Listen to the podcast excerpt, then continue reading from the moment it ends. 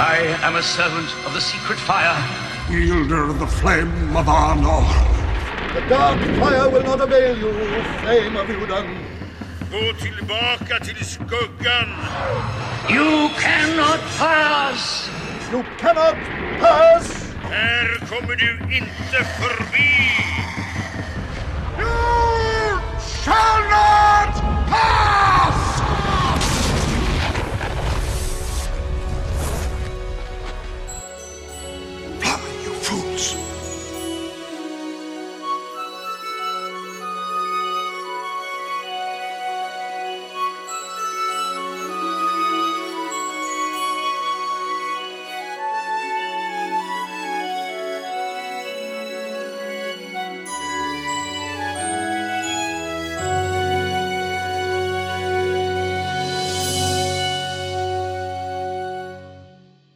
Och välkomna till det tolfte avsnittet av Tolkienpodden. Man kan säga att vi har fyllt ett helt år av avsnitt nu, alltså när vi når tolfte. Och innan vi går rakt in i ämnet, som för dagen är Gandalf, så eh, kan vi ju som vanligt presentera oss. Jag är alltså Adam Westlund. Jag är Elisabeth Bergander. Och jag heter Daniel Möller. Och innan vi börjar med ämnet så går vi ju in på det eh, återkommande inslaget månadens Arda-profil.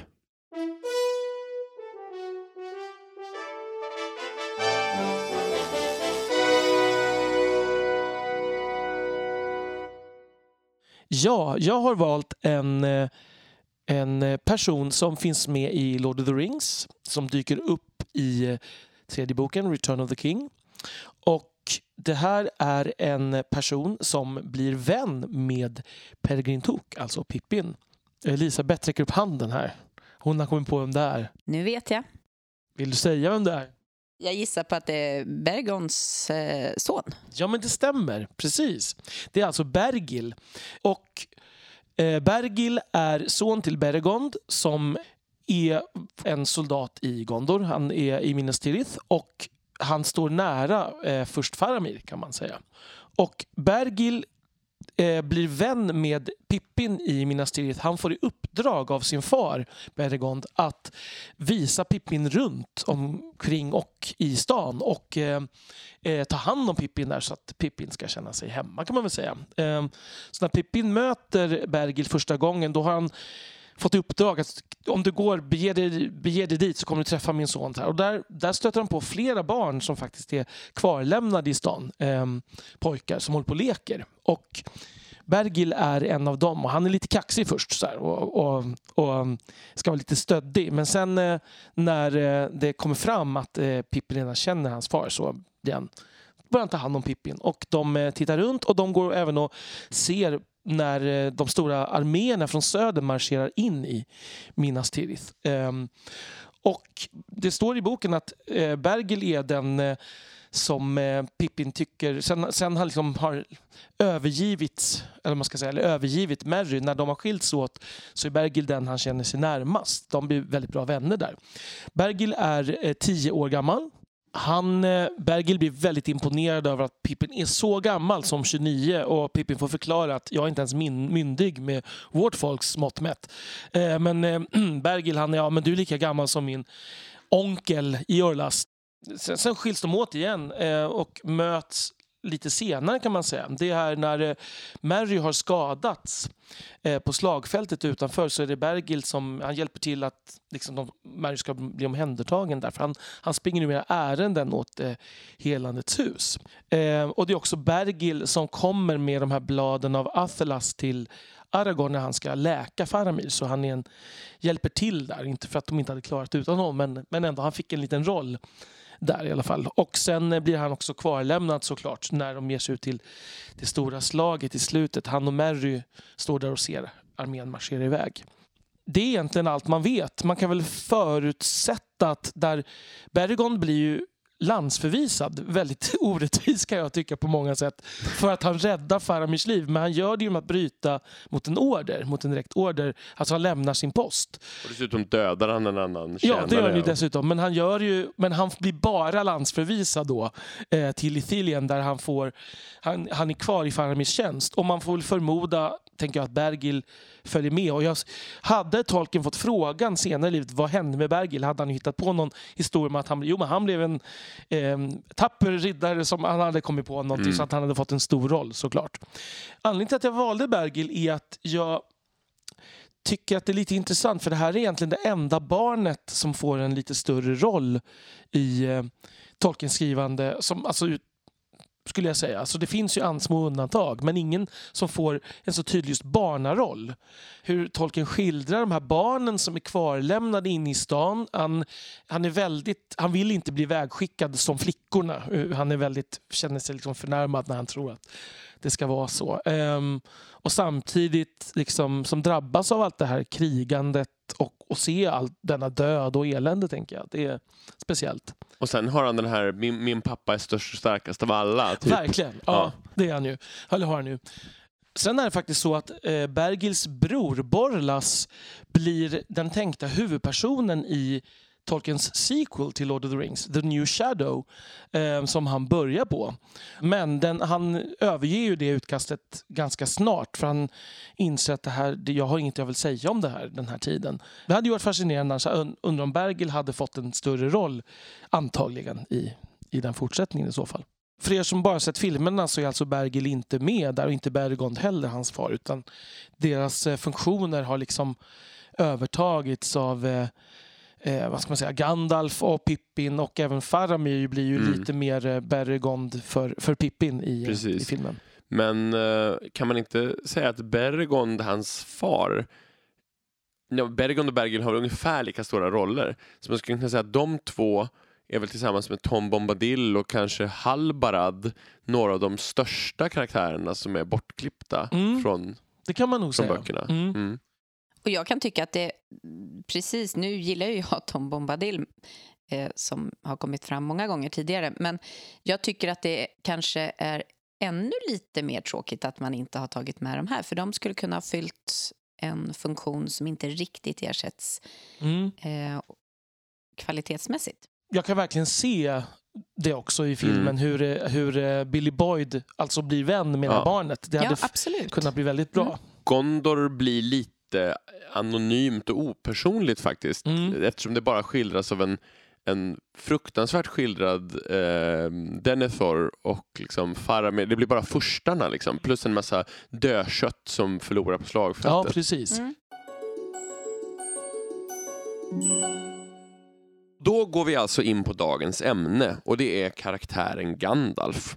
Och varför har vi då valt Gandalf? Jo, det kanske är för att det är en av de mest en av de viktigaste och intressantaste och mest närvarande karaktärerna skulle jag säga i hela Tolkiens skrivande. Och mest kända dessutom. Absolut. Eh, Men vi tänkte ju på det när vi pratade om filmatiseringar, att Gandalf är gemensam för alla filmatiseringar. Och, alltså det går ju inte att ta bort Gandalf. Gandalf är oundviklig. Mm. Och vi antar att alla som lyssnar på den här podcasten nog vet vem Gandalf är. Nästan så man får gratulera om någon skulle ha missat det. Mm? Ja, verkligen. Ja, och ändå lyssnar på den här podden. Ja, precis. Vi tänkte först kanske att vi ska säga några ord om, om Gandalfs roll. Och de flesta kanske inte känner till Gandalfs ursprung. För att det första kronologiskt, och då menar jag inte i verklig tid utan i Tolkiens kronologi, som vi får höra om Gandalf, det är i form av Majan och Lorin. Gandalf är alltså inte en människa utan ett väsen som har levt sedan innan världens skapelse och inträtt som en sorts lägre undertjänare till gudarna, Valar. Och Olorin tillhör en av de visaste eh, av majar. Även Sauron till exempel är ju en majar. Och Saruman och ett gäng andra. Det vi kan säga det är ju att i Silmarillion så nämns faktiskt Olorin inte jättemycket. Han får, har ingen stor roll där. Men han finns ändå med som en liten bipassage. Ja, det här var någonting som Åke Ormarks, som översatte Sagan om ringen till svenska, han var väldigt besviken på detta när han läste Silmarillion, som han ju avskydde. Eh, för att Olorin, alltså Gandalf, måste ju ha en stor och viktig roll i Silmarillion, annars är det fel på författandet. Jag hade ju personligen gärna önskat att Olorin hade haft en större roll eller att man hade fått veta mer om honom. Mm. Men det är för att han är inskriven i efterhand lite grann kan man säga. Eh, det, eftersom han fanns ju inte där när de här myterna skapades utan Tolkien skrev in honom efter att ha skrivit eh, Lord of the Rings och The Hobbit. Precis. Hur som helst så för Olorin då en ganska obemärkt eh, Tillvaro. tillvaro, var ordet jag letade efter. Eh, för en ganska obemärkt tillvaro i eh, Aman, i Valinor, i gudarnas land under helberättelsen Silmarillion. Eh, egentligen så blir han ju inte viktig förrän i tredje åldern när eh, han tillsammans med fyra andra eh, trollkarlar som, eller tillsammans med fyra andra majar skickas ut av Valar till Midgård för att eh, hjälpa Midgårds folk mot Sauron. Eh, jag tänkte bara förtydliga, när vi säger andra och tredje åldern och så, då är det alltså tidsåldrar, stora eror, tidseror vi pratar om. Det är alltså inte Gandalfs tredje ålder, utan det är världens tredje ålder. Nej, precis. Och det är alltså, Gandalf har, har funnits i många tusen år när han, när han tillsammans med Saruman, Radagast och de två blå trollkarlarna som vi pratade om i andra avsnittet av podden Mm. ehm, tar sig till, Eh, till Midgård. Och de blir utskickade i form av gamla män och de får instruktioner att de ska smälta in bland alver och människor och inte dominera dem med sina krafter utan de ska vara rådgivande och liksom eh, ja, inte tvinga utan uppmuntra till att göra rätt bland folken i väst. Och det här bottnar säkert i eh, Tolkiens syn på den fria viljan och så, skulle jag tro. Den Mm. religiösa bakgrunden Och, där. och inomvärlds kan man säga att Valar hade haft dåliga erfarenheter av att försöka tvinga eller bestämma över eh, alver och människor tidigare Mm. och försökte gå en annan väg här. Och ganska snart får ju Eh, och Olorin, han får ju massa olika smeknamn. Olorin är ju det namn han har i västern, alltså i Amman i Valinor. Eh, han får namn av de här olika folken. Så att av alverna kallas han för Mithrandir, den grå pilgrimen. Av människorna i norr och hobbitarna kallas han för Gandalf. Och av dvärgarna kallas han för Tarkun. Och han kallas Inkanus av människorna i södern, alltså Haradrim. Gandalf kallas han väl mest också på eh, väströna, alltså det umgängesspråk som i böckerna presenteras av engelska. Nej, men man kan väl säga att eh, de här fem får ju väldigt olika funktioner i Midgård och Gandalf är väl den som bondar kanske med flest olika typer av människor eller varelser eh, och kanske har något bredare intresse än till exempel Sauroman som mest vänder sig till alverna och... Eh, Ja, de hö- högättade. ja, men så. precis. Precis, det är ju Sarumans stolthet där som på något sätt gör att han inte kan se de mindre så att säga, folken.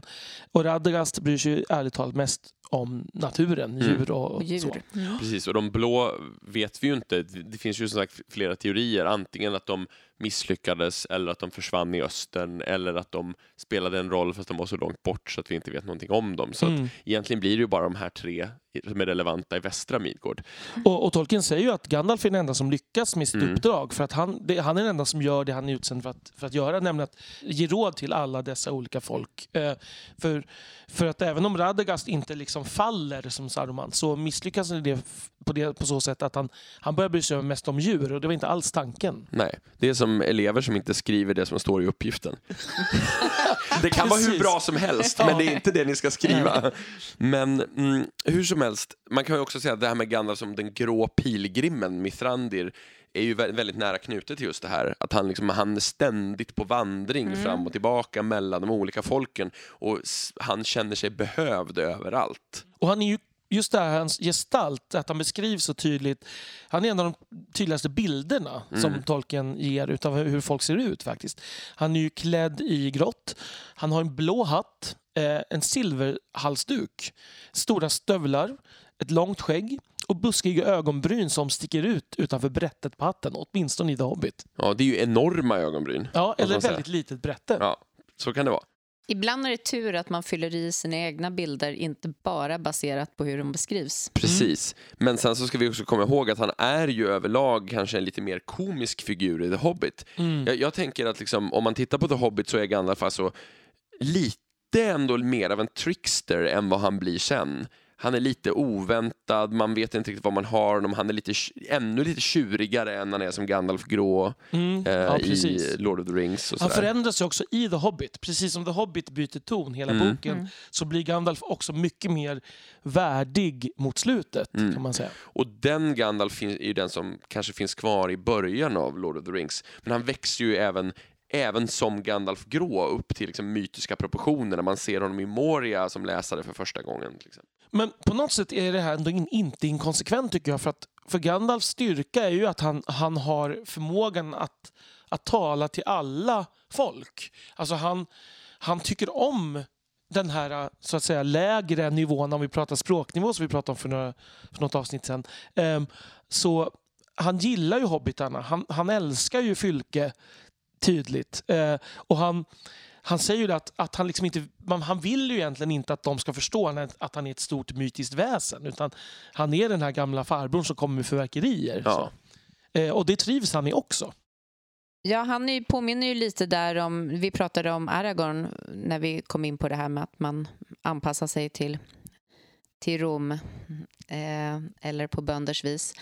Men, men eh, han är ju också en person som...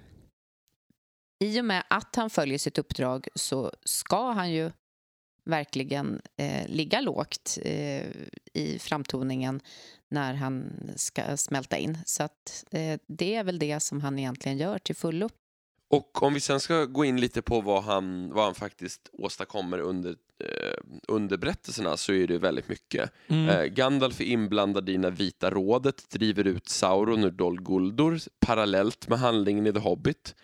Eh, vilket ju eh, Peter Jackson har försökt skildra i filmversionerna. Mm, mer Eh, eller mindre lyckat kan man Ja, säga. inte, inte så bra, men det är, min- det är åtminstone alltså essensen av vad som händer är ju åtminstone med. Ehm, sen så blir han ju ledare för Ringens brödraskap. Mm. Vi får inte glömma att hela plotten i The Hobbit är Gandalf som sätter igång. Ja. Alltså det är han som ser till att dvärgarna eh, söker upp Bilbo, att eh, det är Bilbo som blir den 14 medlemmen i, i det sällskapet. Eh, och utan det skulle alltså allt det som sen skedde inte ha skett. Precis, och sen så jag, ska jag inte heller glömma bort att Gandalf till exempel jagar Gollum väldigt länge innan handlingen i Lord of the Rings kommer igång ordentligt och sådär. Så att han, han är ju hela tiden där i kulisserna och driver sin, sitt stora uppdrag. Liksom. Ja, genom att vara en väldigt bra jag säger människokännare nu trots att det handlar om Mm. olika. Han ser ju Personkännare kanske. personkännare. Han ser ju i Bilbo redan som barn att det här, är någon, det här är en person som kommer att vara viktig. Han blir lite besviken först när han ser, träffar Bilbo igen i början av The Hobbit. Men, men att han kan se det här att Bilbo kommer ha stora konsekvenser för världen. Mm. Så. Ehm, så en framsynthet också som är Mm. väldigt stor. Ja, ibland så blir man ju fundersam på hur mycket som är just eh, personkännare och hur mycket det handlar om att han faktiskt har möjlighet att eh, på något vis se eventuella framtidsversioner. Mm. Han blir ju lite berättaren för det här var nog meningen eller liksom Mm. ringen skulle komma till dig eller liksom han blir berätt- den som för, liksom, i berättelsen för fram sanningar och, och blir ödets talesman Mm. ganska ofta. Ja. Eh, när, man, när han kommer till eh, eh, Rohan...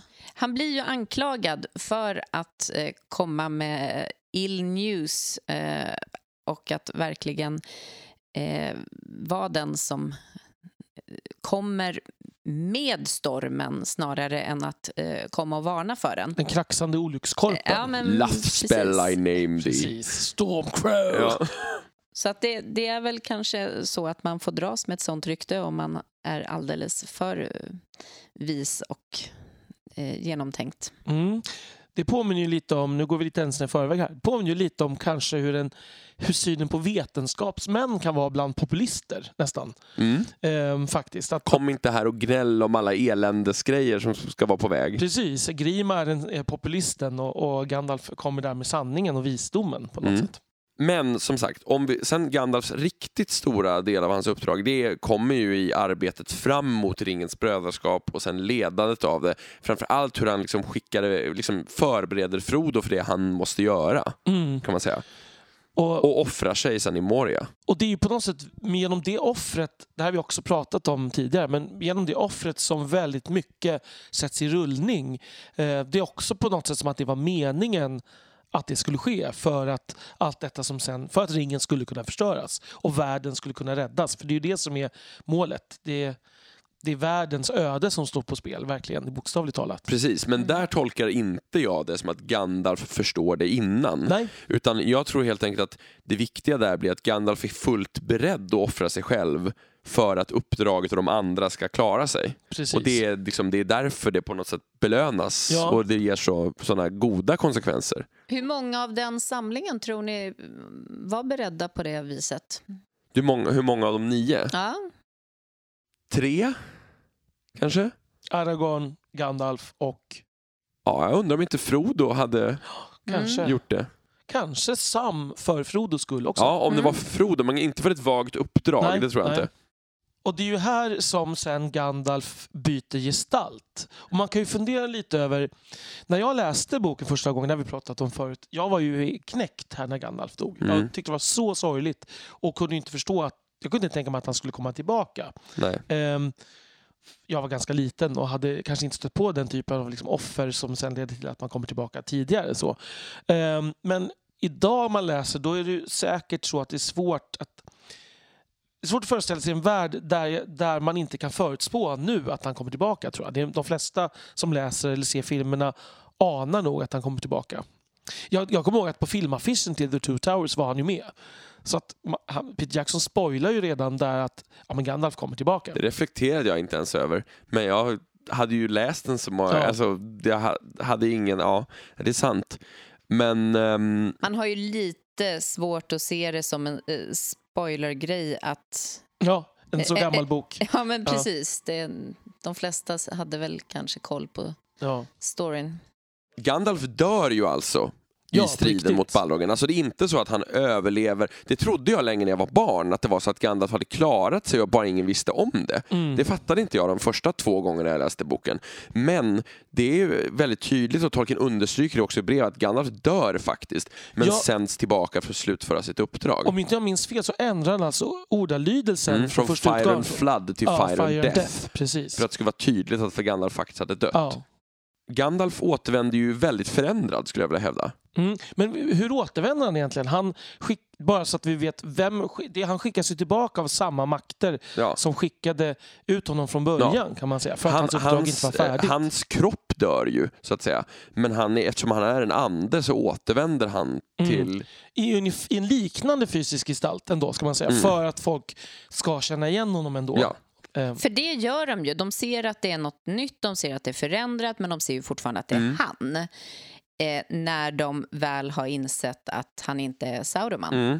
Men jag kommer ihåg att jag var lite traumatiserad där, det, där som, det första som händer när han kommer tillbaka och de säger Gandalf, det är du. mm. Och han förefaller lite dement och säger Ja. Ja, det kallades Ja. jag en gång. Jag håller med. Det där tänkte Mm. jag precis också på alldeles nyss. Att jag tycker inte om det författargreppet riktigt faktiskt. Det är lite försökt, Ja. tycker jag. Han, är, han borde fortfarande veta det. För Mm. att han är liksom tillbakaskickad för att ha samma uppdrag. Och det har bara gått väldigt några man inte vet vad han månader. kallades. Liksom. Det har bara gått några månader sedan, sedan alla sa det till honom varje dag. Men jag tänker att han i och för sig har dött. Faktiskt emellan. Eh, att det ja, är men just det titta, som... Jon Snow kommer ihåg vad han heter. Ja, Åh! Spoiler! Jon Snow Det var och en spoiler. Gandalf. Var det en jämförelse verkligen? Så... Nej, nej. nej. Bara- Nej, men om han minns att som ung hette jag Olorin så borde han ju komma ihåg Ja, att absolut. han heter Gandalf. Men han återkommer Mm. och ju- han är ju personlighetsförändrad faktiskt. Mm. Alltså han är ju inte den här buttra, ganska mänskliga gubben längre. Ehm, utan han är en mycket, mycket mer mm, liksom, upphöjd gestalt. Mm. Han, han är liksom närmare nirvana på något sätt. Ja. Ehm, Man får känslan av, tycker jag, att i, som Gandalf grå, då var han på alla de här olika nivåerna vi pratade om tidigare, var han av naturen. mm. Men när han kommer tillbaka som Gandalf vit måste han ibland spela Gandalf grå. Mm. Alltså han måste spela att han pratar på, på lägre nivå till exempel. Men när, när han var Gandalf grå hade han allt det inboende på något sätt. Mm. Det är som att han när han kommer, just som du säger, när han kommer tillbaka är han inte längre människa. Men vi kan ju komma tillbaka till vad det har för symboliska eh, referenser. Ja. Och det jag tycker är lite intressant, för att han blir ju faktiskt Gandalf vit när den platsen finns ledig. Ja, precis. Eh, eftersom Sauroman vit har övergett sin vithet och tagit de många färgerna istället, och vad det nu står för, Mm. eh, så är det ju kanske ett behov eh, av att det finns den här eh, som inte är mänsklig Mm. på det vi, vi viset. kanske ska klargöra då att vit representerar liksom ledaren av orden av Mm. Istari, av trollkarlar som har skickats över och att Saruman är Gandalfs överordnade, vilket vi faktiskt inte har sagt innan. Ehm, och att när Saruman sviks sitt uppdrag så får Gandalf ta över kaptensbindeln så att säga. Ja, och här säger ju faktiskt, eh, de säger vi trodde att du var Saruman, och då säger han ja, jag är Saruman som han borde ha varit. Ja. Så att det är ju som att han nästan får de personlighetsdragen också, kan man säga, där, som Saruman borde ha varit. Mm. För det är också så att det kan ju vara en grej att ta upp att när de skickas till Midgård eh, och går i land så är det ju så att Gandalf är den som verkar anspråkslösast och minst mäktig och slitnast redan då. Men Kirdan som är eh, alvkungen i det landet kan man väl säga, alltså där de grå hamnarna där de stiger i land, alvledaren i det landet. Eh, han ser att det här är den den utav de här fem som faktiskt har störst inneboende kraft. Och det är därför som Kirdan ger ju honom den tredje alvringen faktiskt. Narja, Precis, eldringen. Ringen, ja, precis, ringen av eld. Ehm, och det här det är också en väldigt viktig del av, eh, av kan man säga, att Gandalf har den här tredje alvringen trots att han inte är alv överhuvudtaget. Mm. En fråga är, eh, visste de andra det? Visste Sauroman det? Det tror, Nej. jag tror inte det Nej. faktiskt. Det vet nog bara de andra bärarna. Alltså Mm. Elrond och Galadriel, eh, när vi när, alltså är, är framme vid ringens krig så är det ju Elrond, Galadriel och Gandalf som bär de tre alvringarna. För jag har väldigt svårt att se att Sauroman skulle hantera det speciellt väl. Men ringarna är ju dolda Mm. om de inte Mm. väljer att visa dem. Mm. Och det, ja, det framgår ganska tydligt att Kirdan ger den till Gandalf i hemlighet. Ja, och, Gan- och jag tror också som du säger att, att Saruman skulle inte hanterat det så bra. Med, med, alltså, med den stoltheten och avundsjukan som han redan känner. Mm. ehm, även om den inte var lika utblommad såklart när men den fanns ju säkert som ett frö inne i Saruman redan Mm. här. Ehm, och man kan också säga att när Gandalf kommer tillbaka så får han ju också en, en mycket mer direkt makt. Om vi tittar på vad Gandalf gör för att hjälpa innan så är han ju mycket mer en rådgivare. Han gör lite, tvingas till lite mindre magiska ingrepp och liksom han strider. Men när han kommer tillbaka så är han ju liksom ett, han är ett väsen av ljus som betvingar Nazgulerna, som liksom Mm. nästan ensam håller Minas Tiriths portar och så här. Mm. Han får en annan roll. Det är väldigt långt från att tända en liten eld uppe på Karadras. Och, och även om han, han använder ju magi i, i kampen mot Balrogan när han liksom använder trollformel för att låsa dörren till exempel, Mm. stänga dörren. Mm. Eh, Vilket nästan tömmer honom helt på krafter då. ja. Ja, eller, mm, ja, i kampen ja. Mm. Mm. Mm, precis när Balrogen sätter emot. Mm. Ja. Men, men han blir ju något helt annat sen. Ja. Och det är en av anledningarna till att jag tycker så illa om den här scenen när Gandalf nästan blir, liksom ramlar av och får sin stav förstörd av, av häxkungen I filmen, ja. i filmen. Mm. Nej, för det, det ska vara en jämn maktbalans där, Mm. där häxkungen inte känner sig säker på, liksom, eller i alla fall inte liksom är uppenbart att han är starkare än Gandalf. Jag bara tänker jämfört med Sauroman så behåller väl ändå Gandalf lite grann den där glimten i ögat även som vit? Eller Jo. är det jag som läser in det mellan raderna? Alls. Gör han det? Han behåller i alla fall en del tjurighet, det måste man säga. Alltså det är ju ganska roligt i The House of Healing när han gnäller över att de pratar så mycket och Mm. så här skojar om Joreths. Ja. Liksom.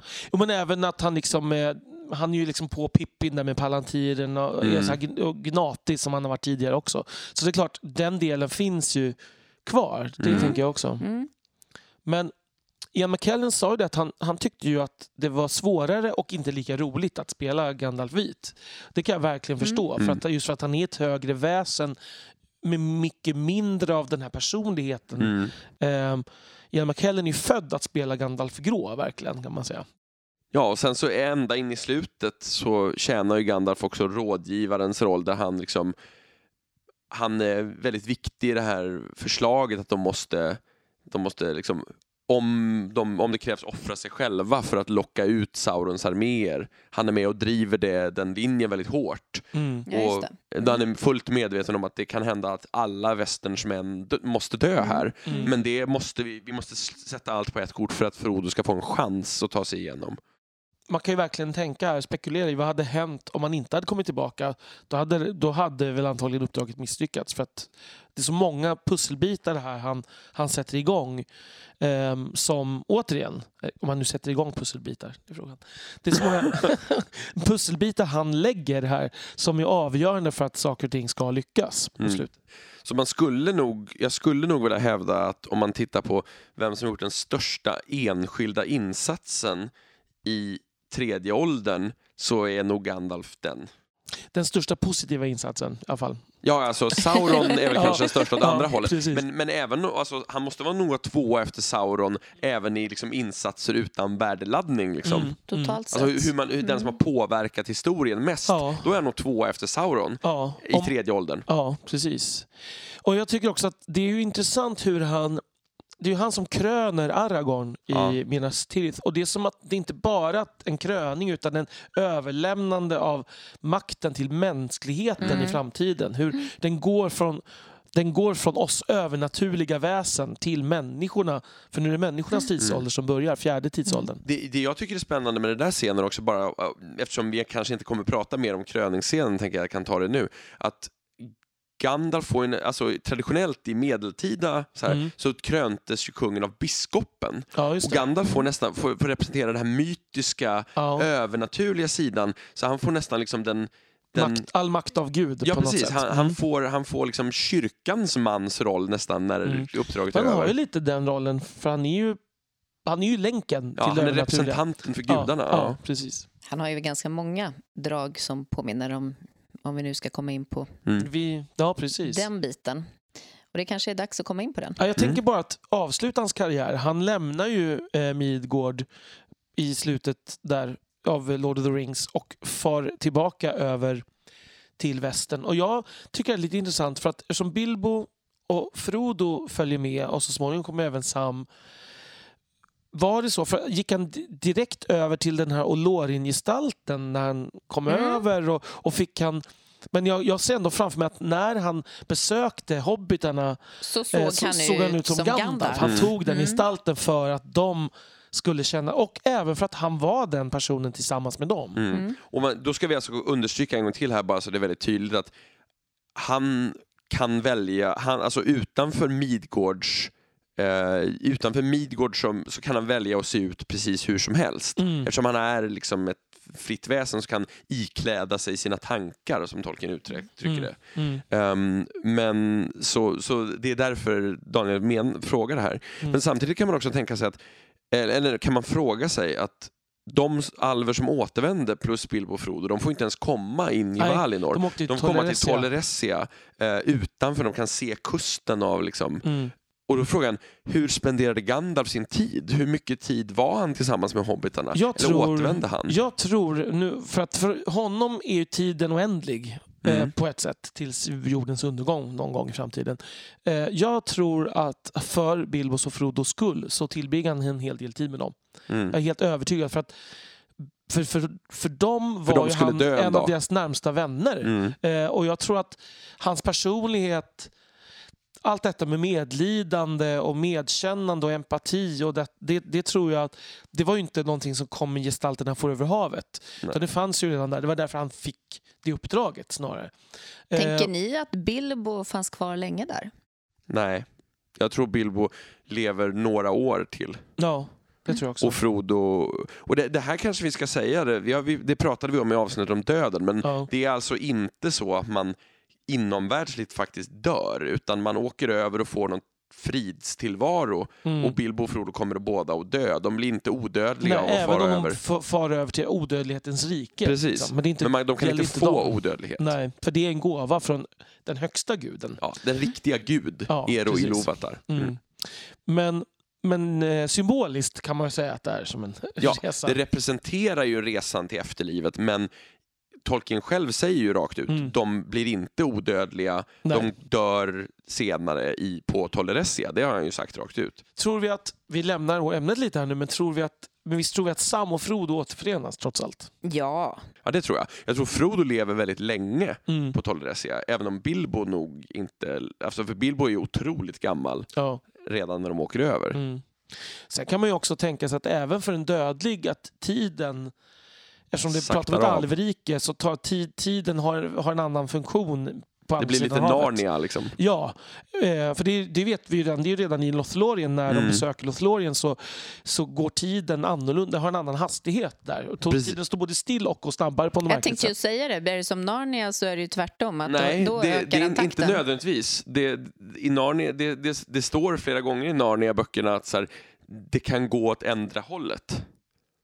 Det, I i Narnia-böckernas som exemplen så har det varit tvärtom. Men det står på flera ställen i böckerna att det kan gå åt andra hållet tidsmässigt. Jag kan gräva upp Så det är citaten bara till en dig. slump att Ja. de råkar? Okej. Ja, det är ju inte en slump författaren har valt Well. det. Men, Mm. ja. Men han, det står säkert två, tre gånger genom, genom bokserien. Nej, men, och, och då kan man tänka att den här effekten är nog ännu starkare på Tolleressia sidan. än den Ja, var i Lothlorien. För absolut. Lothlorien är ändå bara någon sorts Cola Light-version av liksom, de odödliga landen. Och det här med att Sam som tycker om alvisk, det alviska, eh, han måste ju ha sprängts av Mm. Glädje ja, ja. när han kom över havet för att Mm. upp, upp, uppleva alviskhet i all sin glans.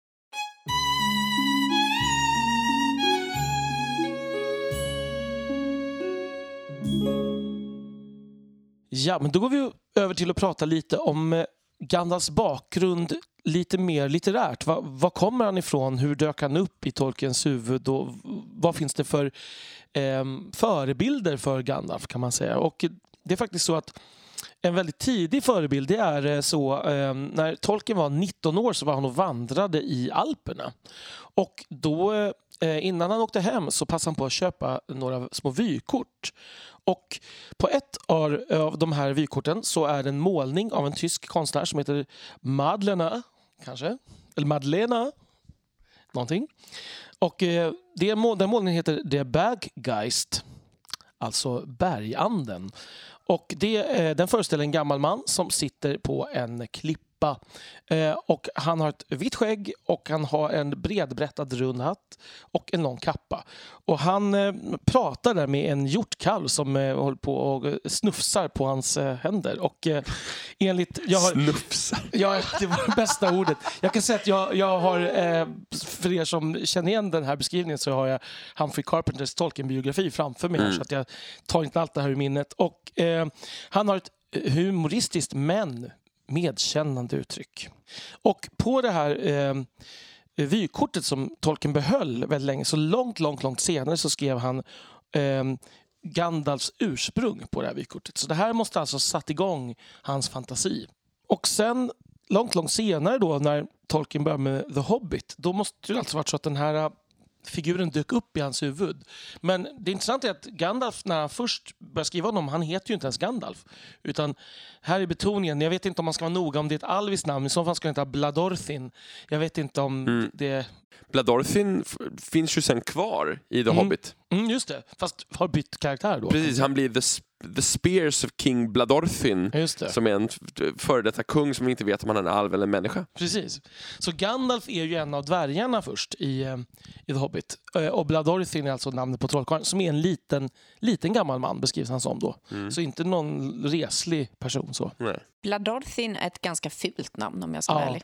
Småningom kom ju Tolkien på att det här namnet Gandalf, som ju betyder eh, Stavalv. stavalv, alltså Mm. troll, som har en trollstav, eh, skulle kunna ha bra namn på den här karaktären som ju liksom är en slags då missuppfattning av att de människor som råkar på honom trodde att han var en mäktig alv med sin trollstav. Så då fick han det här smeknamnet. Det är lite intressant för den som är intresserad av nordisk mytologi att Gand är ju samma som efterledet i Jörmungandr, alltså Midg- Midgårdsormen, som är alltså den stora staven, betyder Ah. Midgårdsormens namn på fornnordiska. Spännande. Ja, det kanske man kan tycka. Man, lär sig alltid något nytt. Men frågan är, det här vykortet är ju inte den enda förebilden för Gandalf. Det Nej. kan man ju inte säga. Men eh, något, på något sätt satte hans, hans fantasi igång här. Mm. Eh, när vi pratar om nordisk mytologi, Adam. Ja, eh, vi tänkte att vi skulle prata lite om de gestalter som kan ha inspirerat Gandalf. Och eh, den första av dem som är väldigt tydlig är Oden. Eh, och det säger Tolkien själv flera gånger. Han kallar Gandalf för an Odinic wanderer. Och vad menar han då med det? Jo, Oden beskrivs ju på många sätt lite liknande som Gandalf. Han är ett mäktigt väsen, eller en, en, en gud, så han är ännu mäktigare än Gandalf. Eh, men han är också, tar ofta också människogestalt. Oden vandrar bland människorna för att förstå och se och läsa ut och lära sig världens mysterier. Så han är på ett sätt också en grå pilgrim. Han associeras också med en bredbrättad slokhatt Eh, men det är slo mer slokande hatt kanske. Men, men, och, han, och med gråa kläder. Och sugen på att lära sig saker lika mycket som att Ja, lära ut. precis. Och ehm, på ett sätt, Oden är ju fa en farligare gud än vad de flesta tror idag. Alltså om vi ser tillbaka så är, så är Oden Hanga eh, gud, han är de hängdas gud, han är en gud som balanserar på gränsen mellan livet och döden. Han är en gud som för trollkarlar och kungar som vanligt folk snarast liksom offrar för att inte hamna i problem Alltså med. blidka helt enkelt. Ja, de blidkar Ja, honom. ja. För han, och om man tittar på, eh, gör religionshistoriska jämförelser så är Oden ofta jämställd med så att säga dödsgudsgestalten. Alltså att Hades-guden i olika är ofta den som jämställs med Oden. Så att säga. Man, den som har mest gemensamma drag. Om man tittar på baltisk mytologi och sånt där. ehm, som jag har pluggat lite grann det här det finns ju lite av en sån aspekt i Gandalf. För den som liksom inte känner honom skulle man kunna, kanske kunna tänka att det här är en farlig... Tänk, titta på Barleyman eh, Butterbird till exempel, som i och för sig är en vän till Gandalf, men han blir ju jätterädd när han tänker att han har gjort Gandalf besviken. Så det finns ju ändå det här liksom draget av den vandraren med stora krafter som man kanske är lite rädd för och inte förstår. Framförallt synen på honom. Ja, men precis. Alltså kanske inte så mycket hans personlighet Nej. egentligen, men synen Precis. på honom. Men det, och det vet vi ju inte säkert med Oden heller, men vi tänker synen på honom, det gäller ju också hur folk upp, betraktade karaktären Oden Mm. eh, liksom i mytologiskt. För hans den här rollen som allfader, den har överdrivits senare, d- säger den mesta moderna forskningen. Mm. Den är väl kanske tacksam för att man kunde dra paralleller till eh, grekisk-romersk mytologi. Precis, Antagligen. men, men vi, de flesta forskare idag tror att liksom i äldre tid så är, så är Oden en ganska smal gud för överklassen. Jag rekommenderar för övrigt boken och tv-serien American Gods där ju Oden spelar en stor viktig roll. Mm. Ehm, och där har han väldigt mycket, de har tagit fasta de, på det här. American Gods? American Gods, det handlar om alla gudar som alla invandrare har tagit med sig till USA. Väldigt... Eh, Mm. Neil Gaiman. Neil Gaiman, mycket bra. Och Ja. han heter Mr Wednesday, vilket ju är fint. Ja, just det. det var roligt. Ehm, men vad heter det? hur som helst så kan man säga så att så det finns, Tolkien själv skulle jag säga att den, den inspiration som han pratade mest om till Gandalf var Oden. För han nämner det i flera brev och säger att Gandalf liksom är en Odens likgestalt. Och Tolkiens resonansbotten i nordisk mytologi är ju väldigt stark. Absolut. Men jag tänker samtidigt att han, han på ett sätt har kanske också vinklat det odenska draget hos Gandalf till en annan bild ändå. Det är som inte dödsgudsoden som Nej. dominerar på, eh, Nej, alls. alltså det är ju en, det är en mycket godare, mjukare Oden. Alltså, och han är ju inte på samma sätt en krigargestalt heller. Oden är ju stridens och ödets gud. Mm. Eh, och han ja, alltså Gandalf är ju mycket mer en mjukare rådgivande väl- vishetsmästare ja. bara. Kan man inte säga att, att Gandalf är som en blandning av Oden och Balder lite? Jo, det skulle man kanske kunna säga. Han har det här mildare draget definitivt i sig och också. på något sätt han offras också. Ja, men det gör ju faktiskt Oden också. Ja, det är sant. Det är Oden sant. offrar ju sig själv Mm. i världsträdet för att uppnå den vishet som han behöver för att han tror att kunna rädda världen. Så här har Ja, vi en, ju till tydlig parallell till Mm, Gandalf. mm. Jag tänkte bara lite kort här. Vi pratar om att eh, Barlman blir så rädd för honom. Mm. Det är ju egentligen frågan om det är ett misslyckande i Gandalfs eh, sätt att, att bemöta... Eh, för han, han försöker ju anpassa sig. Eh, han försöker ju att inte visa vem han är egentligen. Mm. Ehm, och ändå så blir det reaktionen på att eh, det här brevet inte kommer fram. Ja, för att jag tror att Gandalf inte riktigt lyckas dölja, alltså han, han har ju potentialen att bli väldigt arg. Men alltså om vi tittar på um, eh, när, när Frodo skriver sin sorgesång över Gandalf i Lothlorien så, så är ju faktiskt en av raderna eh, Swift to anger, quick to laugh. Alltså att han menar att han var Mm. snabb till både, både vrede och glädje. Så Gandalf är ju ganska liksom humörstyrd faktiskt. Det är ju också intressant med tanke på att han är en gudagestalt Mm. som är humörsstyrd. Men om man tänker panteistiska gudar, alltså i, i, i äldre mytologier, de är ju ofta, vad ska man Ja. säga, mer utpräglade skildringar av den mänskliga naturen. De är ju inte på det sättet upphöjda som abrahamitiska religioner vill få dem till, så att säga. ja, precis. Och apropå det så kanske vi ska gå vidare till nästa gestalt Mm. som man kanske lätt kan dra kopplingar till och det är väl då just i kristendomens Jesus. Där kan man ju börja med att ta fasta på det här med att offra sig själv för, för världen eh, och återuppstå. Eh, det är väl också det som gör att man lätt kan förutsäga eh, vad som händer för att det här är ju någonting som plockas in i otroligt många olika litterära verk framåt. Att man Mm. offrar sig själv och kommer därmed tillbaka. Men, och precis, och det, ska betona att Tolkien själv sa ju såklart att det här är inte en tolkning som han kunde skriva under på alls. För det är så mycket olikheter. Eh, Mm. det är inte en allegori och det, det är det ju inte så såklart. Men, men eh, det är ju ändå, finns ju tydlig inspiration måste man ju säga. Och där jag tänkte på här är ju att det som jag tycker är som jag tänkte på förut när vi diskuterade att han kommer tillbaka mer upphöjd. Det är precis så det är med Jesus. Jesus är ju Mm. människan Mm. som sen blir den upphöjda återuppstånd, återuppståndna gudomen Ja. eh, som är ett, ett änglaväsen på ett helt annat sätt. Från att ha varit, alltså själva poängen med Jesus offer är ju att han är människa och dör och upplever mänsklig smärta och dör för människor Ja. och sen kommer tillbaka. Och det, det kan man väl säga att det också finns hos Gandalf. Precis, och dessutom så kommer Jesus tillbaka under en begränsad tid Ja. och, och utför sitt uppdrag till slutförande kan man säga och sen lämnar han sina lärjungar igen, återgår till himlen. Ja, sen ska han Väldigt ju, likt Gandalf. han ska ju komma tillbaka en gång till för att rädda världen. Och så ska vi ju Mm. ska vi säga till. Alltså dö, egentligen döma levande och döda och, och, och på något sätt sålla agnar från vetet på domedagen. Precis, Så. Den men uppgiften kanske inte Gandalf för. Ehm, i Tolkiens tidigare idéer så finns det ju en sorts slutstrid på den yttersta dagen, lite som nordiska mytologins Ragnarök. Och man skulle kunna tänka sig att Gandalf skulle ingå förstås i den Ja, liksom, men det här jag också sista. tänker, för visst är det så att Balder kommer tillbaka?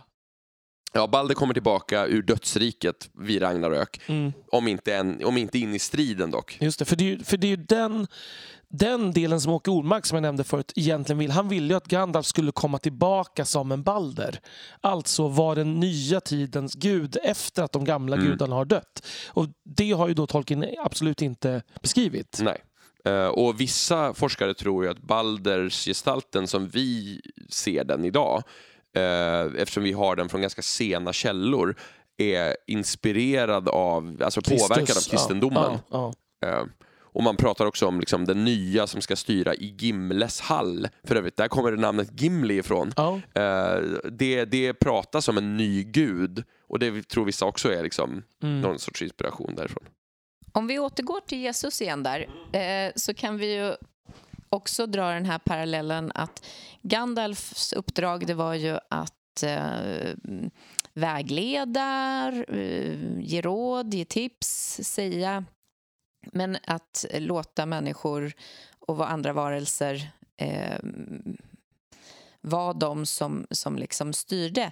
Eh, när Jesus var på jorden eh, så var han väl väldigt eh, predikande och ledande på många sätt och vis. Eh, men det var ju fortfarande så att han gav alternativa vägar. Mm. Eh, och det egna valet var en viktig Ja, men exakt. del i det hela. Det här fria valet som vi pratade om förut. Att, att människan har ett val att välja vä- den här vägen. Så. Eh, Tolkiens Gandalf är nog ganska mycket som Tolkiens Jesus, tror jag. Alltså han betonar det, det här, vad ska man säga, Johannesevangeliets Jesus lite grann. Här mystiska, den, eh, den här medlidande som är högre stående på något sätt. Att det finns en, det finns en annan dimension. Eh, de tidigare evangelierna är ju Jesus mycket mer mänsklig. Så. Eh, det skulle man nästan kunna säga att han går från att vara de tidigare Ja, evangeliernas precis. Jesus till att bli Mm. Johannesevangeliets Ja, Jesus. det är en intressant tolkning. Eh, Men, men jag tänker också att den Jesus som beskrivs på andra ställen i evangelierna är inte alls detta förbarmande på det sättet. Utan det, är ju mer en, det finns en ganska radikal syn på att ni som är rika, alltså, alltså hur, han, Mm. hur han separerar, att han är mer mer än, eh, vad ska man säga, till för de undertryckta i Ja, samhället. han är mer en Mahatma Gandhi-gestalt. Ja, men precis. Och, och kanske inte alls ehm, menar att alla har den här vägen till himmelriket. Eh, man kan ju också säga att det finns ju drag av Jesus hos Frodo som vi har pratat om tidigare också. Absolut, Att, att, lidandet och Via Dolorosa på vägen Ja. mot... Ja. Mm. Till skillnad från Jesus så misslyckas ju dock Frodo. Men, Ja. Men genom sina kristna dygder så mm. ordnar det sig. men, men jag tänker att det här är en eh, ganska intressant för att för de allra närmast Jesus Mm. måste de ha upplevt att han misslyckades. På, Ja. Det får första känsla, som första intryck. När vi följer den här personen, de visste ju inte att han skulle dö. Nej. Utan det kommer ju sen att det måste ha funnits en mening med att han dog. Mm. Eh, Så, att, så att reaktionen, den omedelbara, är ju ändå säkert att vad ska vi göra nu? För han har misslyckats. Så. Eh, Jag försöker få in Sam i det hela där. Mm. Petrus. Han slipper ju förneka Frodo, men... eh, Ja, Mm. eh, det gör han ju. Sam är ju lite Petrus. Han är lite det här samma, lite, lite tjockskalliga envisa som man kan få intrycket av, av Petrus. Mm. man- Ja, jag förstår vad du menar. Mm. Eh, klippan, Och som är väldigt betyder. lojal. liksom. Liksom. Ja, mm. precis.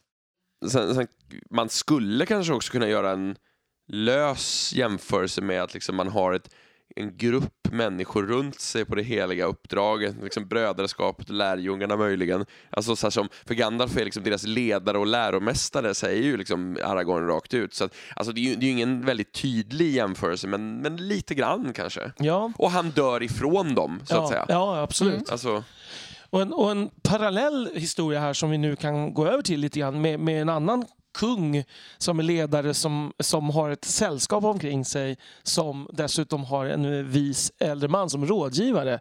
Där närmar vi oss ju Arthur-myten. mm. Ehm, och där har vi ju en tredje inspirationskälla helt klart för Gandalf. Alltså Merlin som ju är eh, trollkaren som finns i eh, myterna kring King Arthur. Och Merlin är ju dessutom trollkarl som sagt. Mm. Det är ju varken Jesus eller Oden på det sättet. precis. Eh, Utan här har vi ju trollkarlsförebilden. Och, och Tolkien är ju lite så att han är... Eh, vad ska man säga? Han ångrar att han, inte, att han använde ordet trollkarl men samtidigt, det är så uppenbart att Gandalf i början när han börjar skriva är just en trollkarl. Ja. Sen kan man också fråga vad som är hönan och ägget här för att det finns en del drag hos Merlin i olika gestalter som, som han har skrivit om som ju också är Gandalfska. Men det kan ju också vara att en del har inspirerats av Gandalf i de här Mm, beskrivningarna. Och Merlin är en väldigt mångfacetterad figur som Ja. skildras väldigt olika i olika versioner av Ja, Arthur-myten. Men, precis. Men, men även där finns ju någonting av det här lite, lite testig kan jag tycka. Ja. Alltså det finns en, en... eh, Det är inte bara en vänlig makt utan det här det är en urkraft Mm. som som också kanske bottnar lite i Oden, tänker jag. Att Ja. det, det, det finns en, en mörk och en ljus sida av Merlin, eh, beroende på vilken tolkning man vill göra såklart. Och sen är ju den här trollkarlsaspekten inte helt borta från Oden, för det finns ju såna här där Oden är med i olika såna här ska man säga, utmaningar eller Mm, magiska mm. dueller så här nere på jorden. Alltså det finns ju en lite av en trollkarl i honom också. Ja. Hur han kan uppfattas liksom, i den vandrargestalten. Liksom. Precis. Även om Merlin är mycket tydligare. Ja, och Tolkien, man ska ju säga att han var ju lite kluven, som han var till så mycket, så var han lite kluven till Arthur-legenderna för att han menade att det var ju normandiskt eh, hittegods typ lite Mm. grann också. Alltså ro, fransk romantik och Mm. allt möjligt som har blandats in i detta. Och samtidigt så hade jag den här, han höll på med det här Sir Gawain eposet och Mm, Sir Gawain and the Green Knight. Ja, ja. Mm. precis. Så att, så att det, det, helt klart var han ju kunnig även på det området. Även Mm. om, och Merlin är väl, om jag inte minns fel, ändå en av de äldre beståndsdelarna i det här. Alltså Lancelot och Guinevere och allt det här med runda bordet, det kommer senare. Så att Merlin känns som en mer ursprunglig, vad ska man säga? Mer keltisk. Mer keltisk, precis. Som kanske inte nödvändigtvis har ursprungligen någonting med kung Arthur att göra utan har smält ihop Ja, precis. olika myter och, Och han framställs ju, framställs ju lite som ett naturväsen i vissa versioner. Ja. Och han är ju definitivt felbar. I flera versioner så slutar ju hans existens med att han liksom Låses in i luras in, i en grotta Ja, eller- och, eller ett träd ja, och inte ja. får komma ut någonsin mer för att han är liksom kär och galen så att säga. Typ. Kort stubin också, va? Eller? Det beror, jag vet inte faktiskt. Det, det jag mer ser Merlin som är att han, in, att han är han har ett sarumanskt drag i att han hända, ändamålen helga medlen. Alltså Merlin spelar folk för att uppnå Mm. målen med, liksom, Ja, ja, med Mm, ja, Camelot och precis. så. För han, han vet eller har koll på mycket som händer men väljer att spela ut människor som schackpjäser. Skärmigt drag. Och sen kan man ju säga att Arthur eh, motsvaras ju både av Frodo och Aragorn på många Ja. sätt. skulle man ju kunna säga.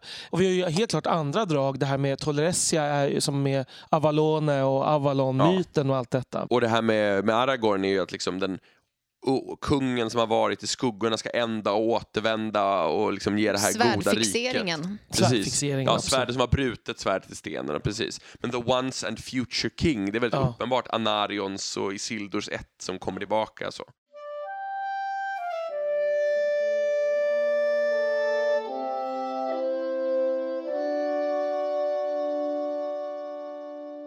För den som har hört några analyser om Star Wars så, så tar man väldigt ofta upp att Star Wars är inspirerat av en författare som heter Joseph Campbell som skrev ett verk som heter uh, The Hero with a thousand faces. Och det är en stor analys av olika mytcykler från runt om i världen där författaren hittar gemensamma drag i det han kallar för The Hero's Journey. Alltså hjältemyter följer vissa väldigt typiska mönster kan man säga. Och han hittar olika steg, jag tror att det är 12 stycken. Och det är inte alltid alla de här stegen är med, men väldigt många av dem. Och vissa gestalter som dyker upp, vissa arketyper som dyker upp runt omkring hjälten. Och en av de här viktiga arketyperna i Joseph Campbells The Hero's Journey-analys är mentorn som ska introducera det stora äventyret och den farliga omgivande världen för hjälten, leda honom, eller henne oftast än honom, genom de första stegen i det här så att, han, så att han klarar av det och sen när han kan gå på egna ben som, så ska mentorn försvinna, ofta dö eller på något annat sätt för att man ska bli tvungen att klara sig själv även om man tror att det inte ska gå. George Lucas följde Joseph Campbell väldigt, väldigt hårt när han gjorde Star Wars. Han, han inte bara inspirerades av den utan faktiskt nästan kalkerade av The Hero's Journey på vissa ställen. Och Obi-Wan Kenobi fungerar ju på precis det sättet för Luke Skywalker. Och det är ju ganska likt Gandalf, måste man säga. Verkligen. Ehm, och det här med som sagt att han försvinner. Alltså, Frodo måste gå vidare på egna ben. Han har ju Sam, men Sam är ju på något sätt en förlängning av honom själv. Han är ju inte där för att ge någon extra vishet på något sätt. Nej, utan- han, han ser ju upp till Frodo, Mm. så att säga. Ja, Frodo är hans mentor snarare. Mm. Det är intressant med, med parallellen Obi-Wan Kenobi för att det, det finns ju väldigt många likheter. De, dels har det med arketypen att göra men också att George Lucas måste ha läst Sagan om ringen. Och det intressanta med det här är också att Joseph Campbells The Hero with a thousand faces kom ut 1949. Så det är inte helt omöjligt att Tolkien kunde ha läst den innan han skriver klart Lord of the Rings. Nej, men frågan är hur långt han hade kommit. Ja, han hade säkert börjat på det här, men, men skulle kunna, han skulle kunna stöta på den här eftersom det inte är helt bortanför hans fält. Nej. Så han skulle kunna stöta på den här medan han fortfarande jobbade igenom manuskripten. Mm. Eh, För han läste ju igenom många gånger och liksom tänkte, tänkte om och tänkte ut vad, alltså Första gången skrev han mer, som du sa i något tidigare avsnitt Daniel, att han skrev kanske mer inspirerat först och sen gradvis blev han mer och mer analytisk när han gick igenom. Mm. Så det skulle kunna ha varit något han hade mött i, i analyserandet. Och även om det inte är så, så är det ju så är ju arketyperna så tydliga så att de arketyper som eh, Campbell skriver om kan ju vara samma arketyper då som, som Tolkien har Ja. studerat. Jo, men det är helt klart. Tolkiens liksom mytologiska inspiration är ju Campbells studiematerial. När vi ändå är inne på Obi-Wan Kenobi tänker jag att vi kanske kan prata om eh, alla dessa efterföljare som har kommit i Gandalfs fotspår. För, för Gandalf har ju blivit, han är inte bara en egen gestalt, utan han har ju blivit en arketyp. Inom fantasygenren, men även i stort skulle jag säga att Gandalf har, alltså i, i fantastisk litteratur och eh, En av de större kanske. Ja, precis. Jag skulle hävda att han är en av 1900-talets mest inflytelserika litterära gestalter Ja, faktiskt. absolut. Det håller jag med om.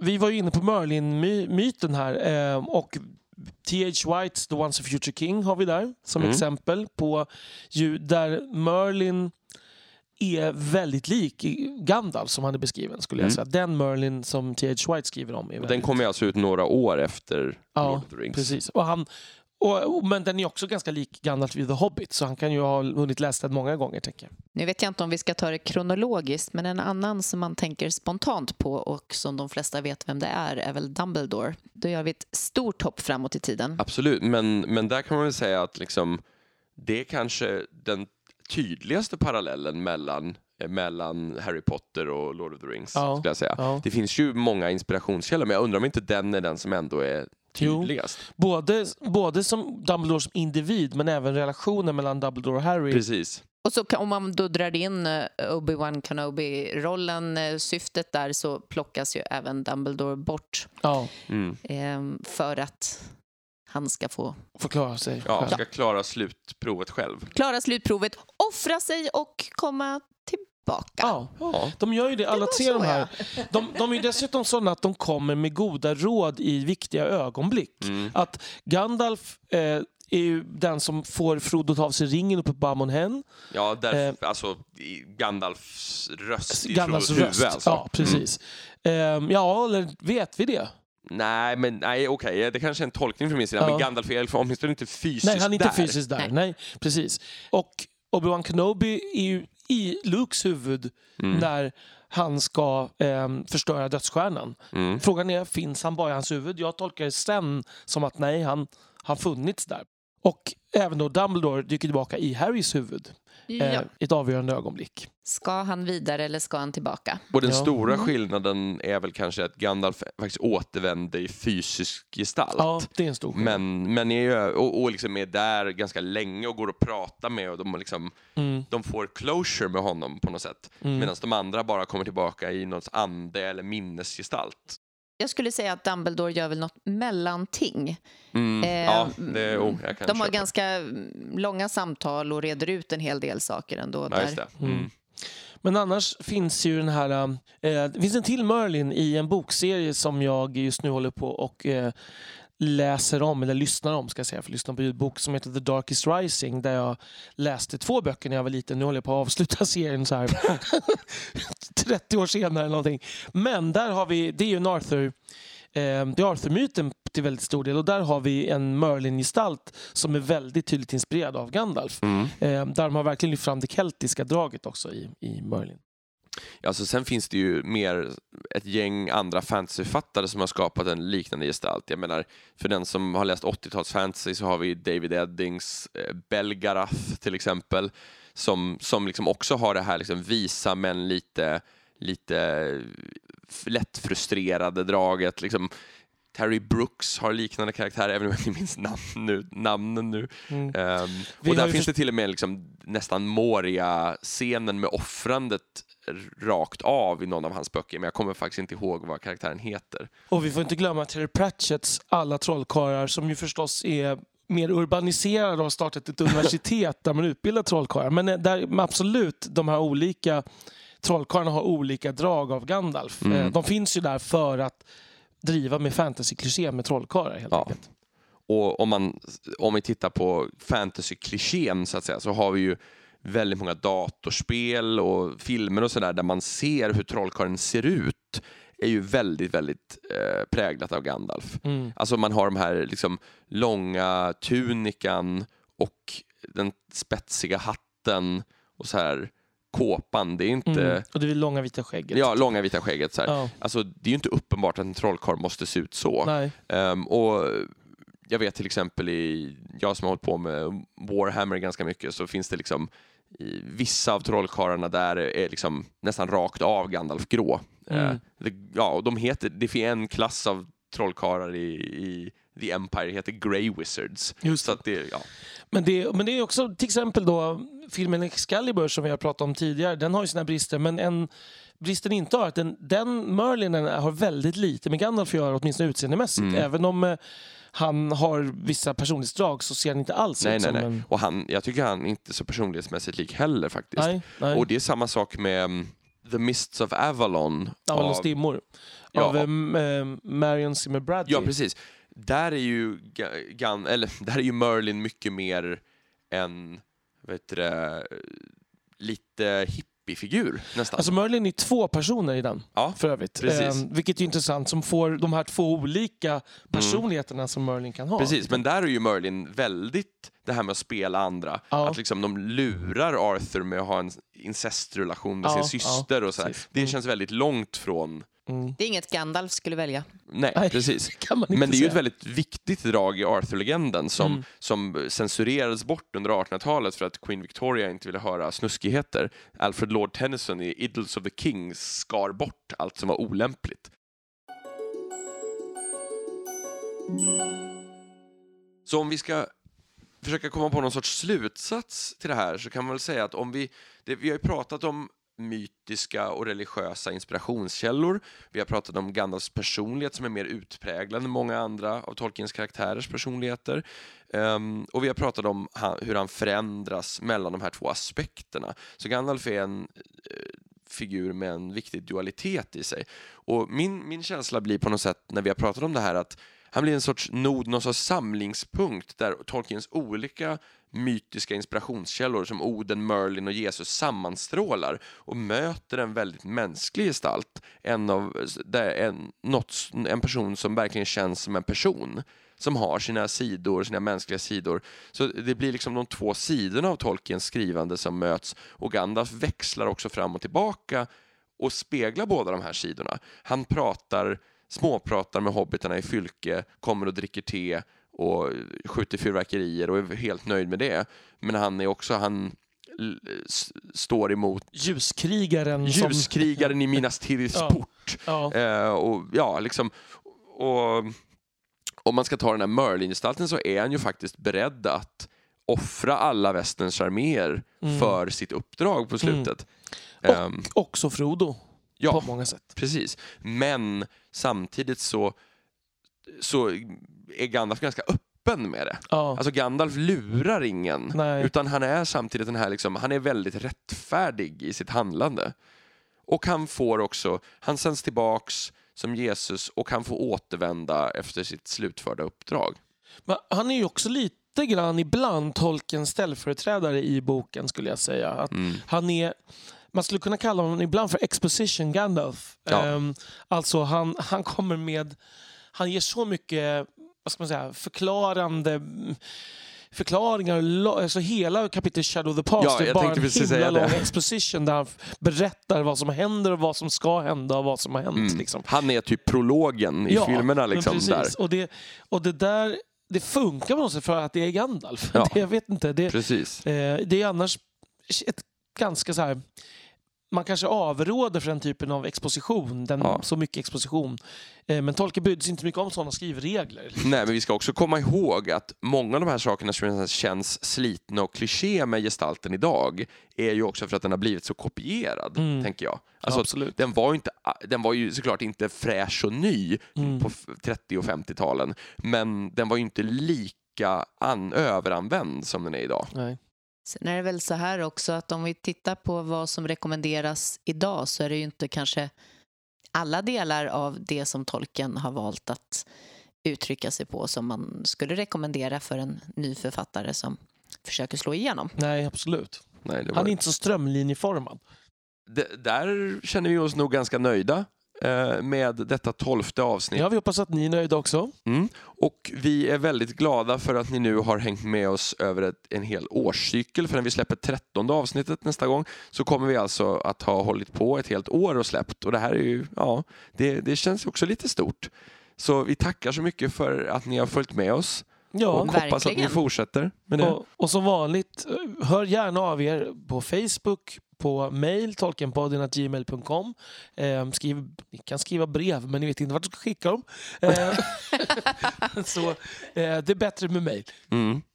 Vi ska ha någon mystisk postbox på centralen. Så här. Precis, i Värtahamnen. Så här, leta efter mannen med grå tunika och Ja. kåpa. Ja, exakt. Nej, men nu återstår det helt enkelt bara att tacka så jättemycket för att ni har lyssnat och önska alla en trevlig månad här framöver. På återhörande. Och glad påsk. Hej då! Hej då! Hej, hej.